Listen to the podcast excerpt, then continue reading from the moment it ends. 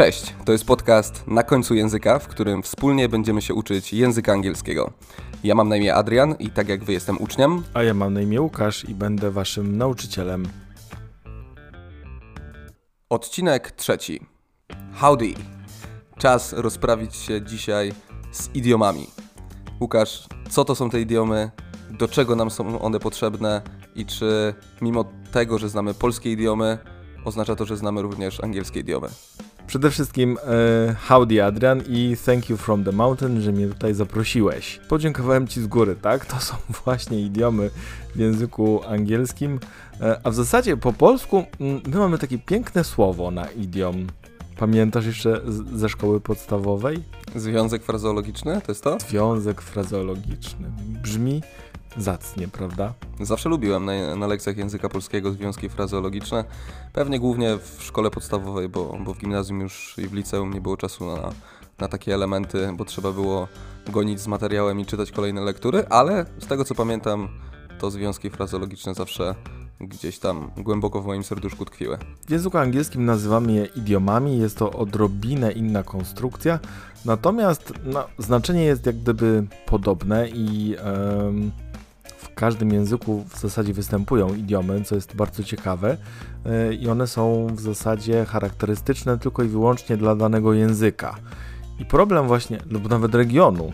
I najważniejsze jest to, że w języku, w każdym języku, tak mi się wydaje, nie jesteśmy w stanie tak jak gdyby na żywo przetłumaczyć znaczenia danego idiomu. Dlatego, że mm, powstają wtedy bardzo zabawne, niezrozumiałe często albo kuriozalne sytuacje, gdzie nasz rozmówca zupełnie nie będzie mieć pojęcia, co my chcemy powiedzieć. Czyli jak y, komuś, kto mówi w języku angielskim, powiemy to, co powiedziałeś na samym początku, thank you from the mountain, to chyba nas nie zrozumie. To zrozumie tylko tyle, że mm, jest, stoimy na górze i mówimy mu dziękuję. Ale po co? To już nie wiadomo. E, gdyż w języku angielskim, jak wiemy, dziękować z góry to thanks, thank in advance. Yes, we have to thank somebody in advance.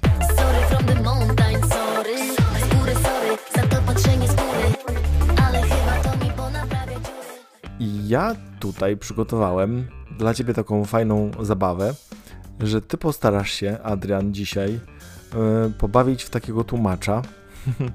pobawić w tłumacza takiego na żywo.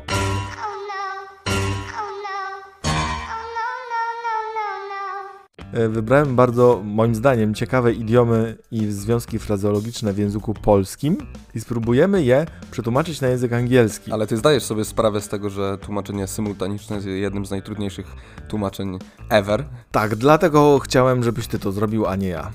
Okej. Okay. Uczciwe. Z perspektywy ucznia z pewnością. Ale wydaje mi się, że będziemy mieć tutaj dużo zabawy. Okej. Okay. Pierwsze, pierwszy idiom, który zupełnie w języku polskim jest moim zdaniem fantastyczny. Coś ciągnie się jak flaki z olejem. Znane, znane. Coś bardzo nużącego, takiego nudnego wręcz powiedziałbym. Ale jak to powiedzieć po angielsku? Hmm. W ogóle o co tu chodzi w języku polskim? Hmm, flaki z olejem. Chodzi o zupę? Jeżeli chodzi o zupę, to mamy w języku angielskim takie słowo tripe, które oznacza flaki, tak? Ten, ten taki żołądek krowy to są flaki, tak, to jest tribe. I możemy co powiedzieć, że pulse itself mhm. ciągnie się, tak, pulse itself, like, like tribe? Maybe. Okej, okay. maybe, maybe, e, e, zupełnie nie. Co zupełnie śmiesznego w języku angielskim, byśmy musieli przetłumaczyć ten idiom w ten sposób, że coś jest nudne jak zmywarka. As dull as a dishwasher nudne jak zmywarka. E, czyli odpowiednik naszego polskiego idiomu ciągnie się jak flaki z olejem, to as dull as a dishwasher. Czyli zupełnie inna strefa, zupełnie w coś innego uderzamy, z czym innym kojarzymy nudę, czy, czy, czy jakieś przeciąganie się czegoś w czasie. Dokładnie tak. W języku angielskim kojarzymy y, to ze sprzętem domowym typu zmywarka, a w języku polskim z flakami z olejem, Wiesz co, ja mam psa o imieniu Bourbon e, i on ma zgoła inne myślenie na temat sprzętów elektronicznych, bo za każdym razem, gdy włączona jest pralka albo właśnie zmywarka, czy też odkurzacz, On jest bardzo żywo zainteresowany tymi przedmiotami. On na nie szczeka, on chce się z nimi bawić, e, chce wchodzić w jakąś interakcję, więc może bulldogi e, angielskie, myślę, że zmywarka jest e, nudnym urządzeniem, ale na pewno taki tradycyjny polski kundel, jakim jest Bourbon, ma na ten temat e, zdecydowanie inne zdanie. Powiedziałeś też przed chwilą, że tutaj jest zupełnie inna kategoria, tak? E, U nas są flaki z olejem, tam jest zmywarka, zupełnie gdzie indziej jesteśmy. Natomiast mam dla Ciebie dosyć podobną kategorię. Mówimy czasami jak piąte koło uwozu, tak? Czułem się jak piąte koło uwozu. Jak byś to ugryzł w języku angielskim? Y, Starałbym się pewnie y, skopiować jeden do jeden w rozmowie z, z, z jakimś Brytyjczykiem czy, czy mieszkańcem Stanów Zjednoczonych y, i szukałbym e, five koło, można powiedzieć różnie. Mógłbym użyć słowa opona, mógłbym e, powiedzieć five circle e, i z pewnością druga osoba by mnie zrozumiała i powiedziałaby tak, masz rację. To jest genialne słowo, które niczego w tym przypadku nie tłumaczy, niczego nie określa. Dokładnie, możemy też powiedzieć e, fifth wheel, prawda? Piąte koło, mm, okej. E, Też to niczego nie określa, natomiast w języku angielskim jesteśmy dosyć blisko, e, bo gdy chcemy przetłumaczyć ten związek frazeologiczny, użyjemy frazy I feel like a spare part, like a spare part, jak część zapasowa. Jesteśmy nomen omen blisko, blisko piątego koła uwozu, tak? Jest samochód, w samochodzie umówmy się, że mamy jakieś części zapasowe czasami w bagażniku. No i zazwyczaj tą główną częścią zapasową jest to piąte koło, które możemy wykorzystać. Dokładnie, więc tutaj gdzieś, gdzieś mm, te myśli e, e, naszych przodków e, były jakoś ze sobą połączone. Kolejny przykład, zupełnie fantastyczny. Spróbuj przetłumaczyć totalnie na je, jeden do jednego. Zwierzę ci się. Zwierzę ci się? Komuś się zwierzamy, nie? Mhm. Animal to you, po prostu? To you, nie? I will animal to you. Wyobraź sobie sytuację, że przychodzisz do kogoś i chcesz się komuś zwierzyć, bo masz jakiś problem i mówisz słuchaj Kaśka, I will animal to you. Okej, albo Kate w tym wypadku, tak? Kate będzie em, naszą rozmówczynią. Em, myślę, że taka re- reakcja ze strony obcokrajowca byłaby co najmniej dwuznaczna i dziwnie by na nas spojrzeli. Okej, I will animal to you. What do you mean? Rozwiązania są dwa. Albo idziemy w dwuznaczność, albo e, można by pomyśleć, że ktoś zapomniał jakiegoś słowa gdzieś w środku wrzucić i, i, i dlatego nie do końca e, poprawnie został zrozumiany. Natomiast zwierzę ci się w języku angielskim to confide. Confide in somebody. Może chodziło o to, że e, I will, e, czy I bring animal to you i wtedy już to zdanie wygląda bardziej sensownie. Okej. Mamy następny, bardzo często używany zwrot w języku polskim. Coś jest nie tak. Mówimy. Coś jest nie tak. Coś jest nie tak, prawda? Oj, coś jest nie tak. Wchodzę i, i nie wiem, dziwny zapach i mówię, coś jest nie tak. Wchodzę, oglądam telefon i jakoś tak nie działa. Mówię, słuchaj, coś jest nie tak z moim telefonem. Coś jest nie tak? Something is not okay, something's wrong. Dobrze, something is not okay, ale gdybyś chciał na żywo przetłumaczyć, something is no yes. No tak, zdecydowanie. Something is no yes, byśmy przetłumaczyli raczej tak jak powiedziałeś, something's not okay albo something's not right. Mhm.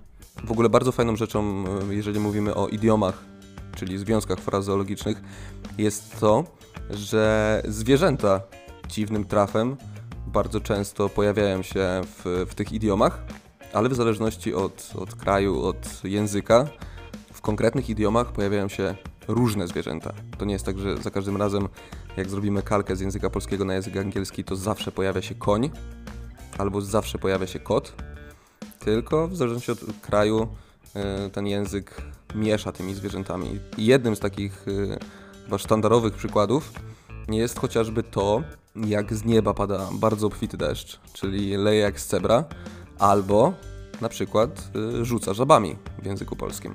A nawet w języku śląskim, jeżeli mówimy tu o regionalizmach, mówimy, że wali żabami.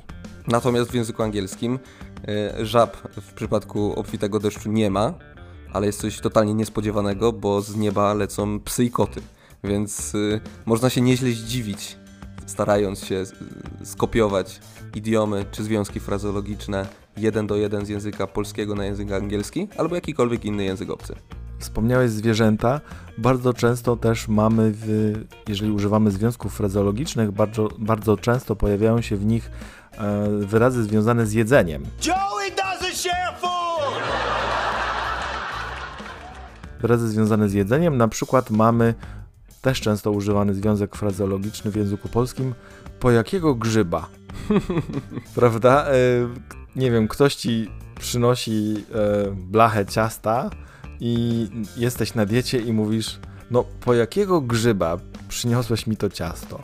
To ciasto jest piątym kołem uwozu w, tym, w tej sytuacji. Natomiast w języku angielskim zupełnie grzyb wtedy nie występuje, natomiast występuje słowo ziemia. Mówimy y, why on earth?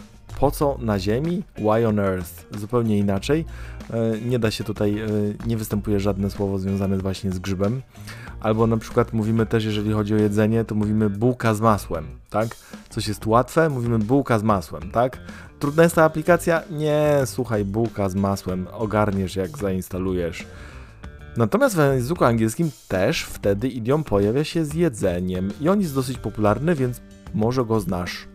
Znam akurat y, bułkę z masłem e, w gimnazjum, odrobiłem e, wzorowo niemalże, bo powiem Ci, że jestem w stanie nawet powiedzieć e, trzema różnymi sposobami, jak można z języka polskiego na język angielski przetłumaczyć właśnie bułkę z masłem. Domyślam się, że chodzi Ci o piece of cake w tym przypadku, ale z tego co pamiętam, coś co jest bardzo proste, coś co jest dla nas banalne, można na język angielski przetłumaczyć również jako easy peasy albo walk in the park. Super, jasne. Też easy peasy możemy pociągnąć dalej. Easy peasy lemon squeezy.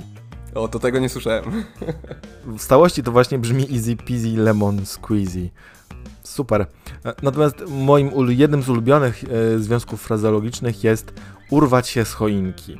I tutaj mamy ogromną trudność, jeśli chcemy przetłumaczyć to na język e, angielski, bo na pewno nie mówimy fall, fall from a Christmas tree, tak? Nie mówimy fall from a Christmas tree, tylko tutaj mamy też w zasadzie, jest to związane z jakimś e, landscape'em, czyli krajobrazem. Mamy w języku angielskim zwrot live under a rock. Live under a rock.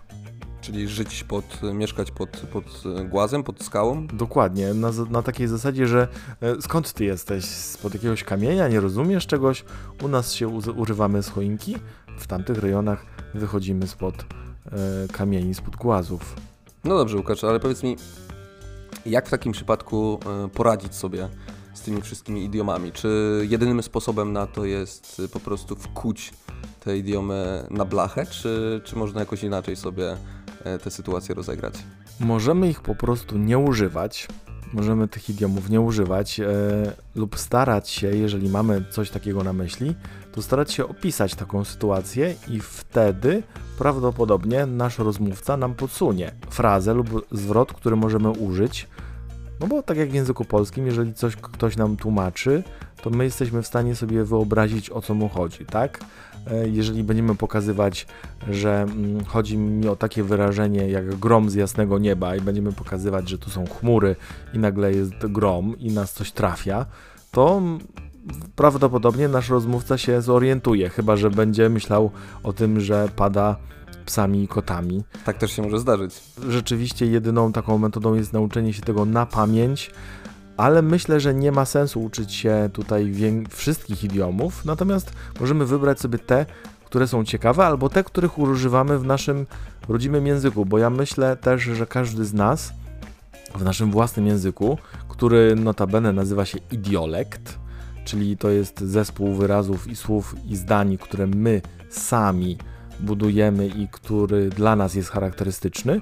W naszym idiolekcie myślę, że używamy tych, których lubimy używać, tak? To nie jest tak, że codziennie pewnie używasz jakichś idiomów e, czy związków frazologicznych, tylko masz pewne ulubione, które stosujesz w danych sytuacjach, prawda? Bardzo fajnym sposobem też e, na naukę idiomów jest na przykład e, oglądanie seriali czy filmów, bo takie wkuwanie idiomów bez kontekstu zupełnie sprawia, że te słówka, idiomy bardzo szybko uciekają z głowy.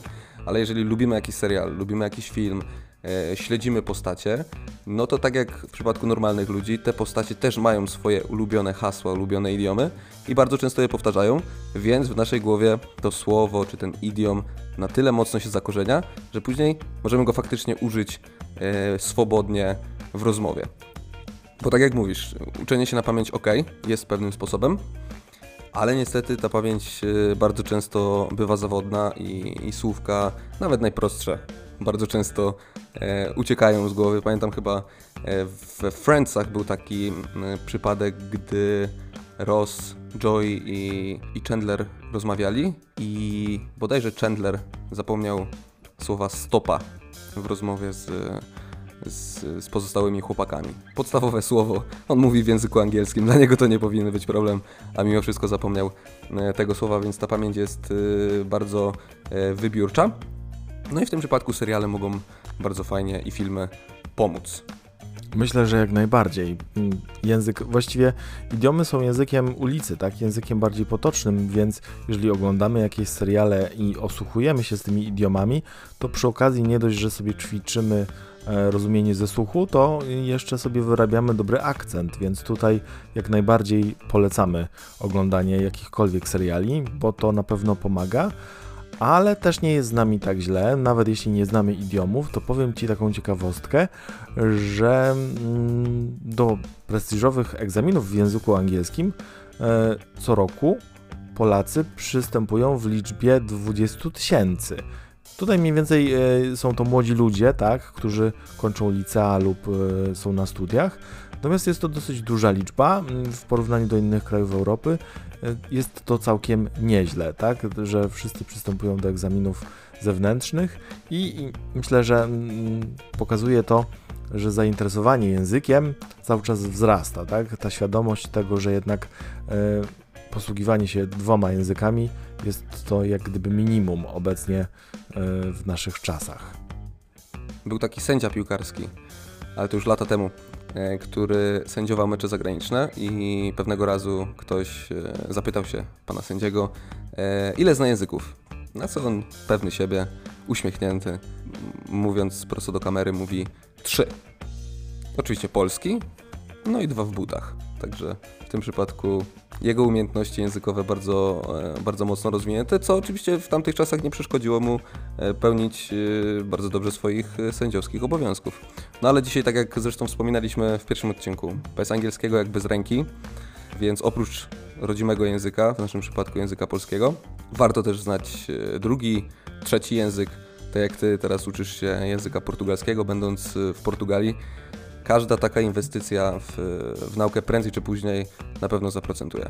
Dokładnie tak, w języku portugalskim na razie powiem Ci, że poznałem jeden idiom, yy, który oznacza, w zasadzie nie można go przetłumaczyć w żaden sposób na język polski, e, da się tylko opisował, który oznacza, że z Hiszpanii to nawet nie ma dobrych wiatrów, a tym bardziej małżeństwa.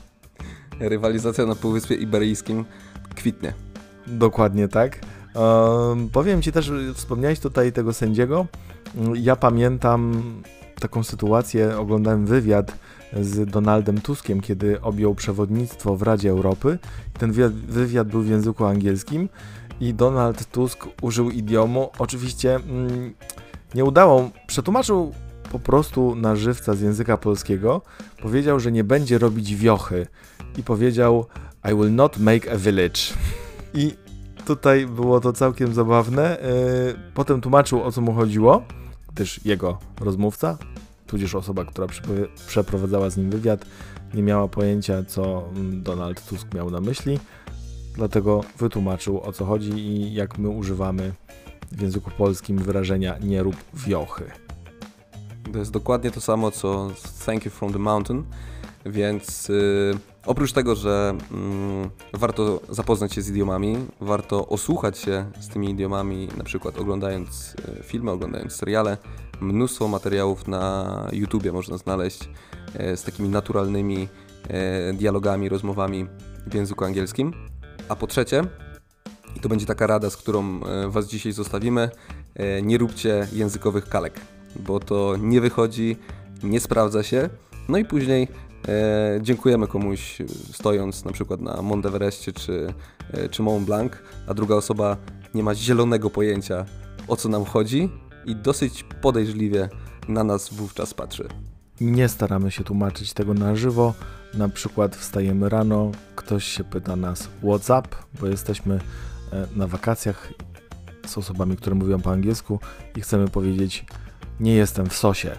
I'm not in the sauce. I ta niezręczna cisza myślę, że właśnie wtedy towarzyszy takim sytuacjom.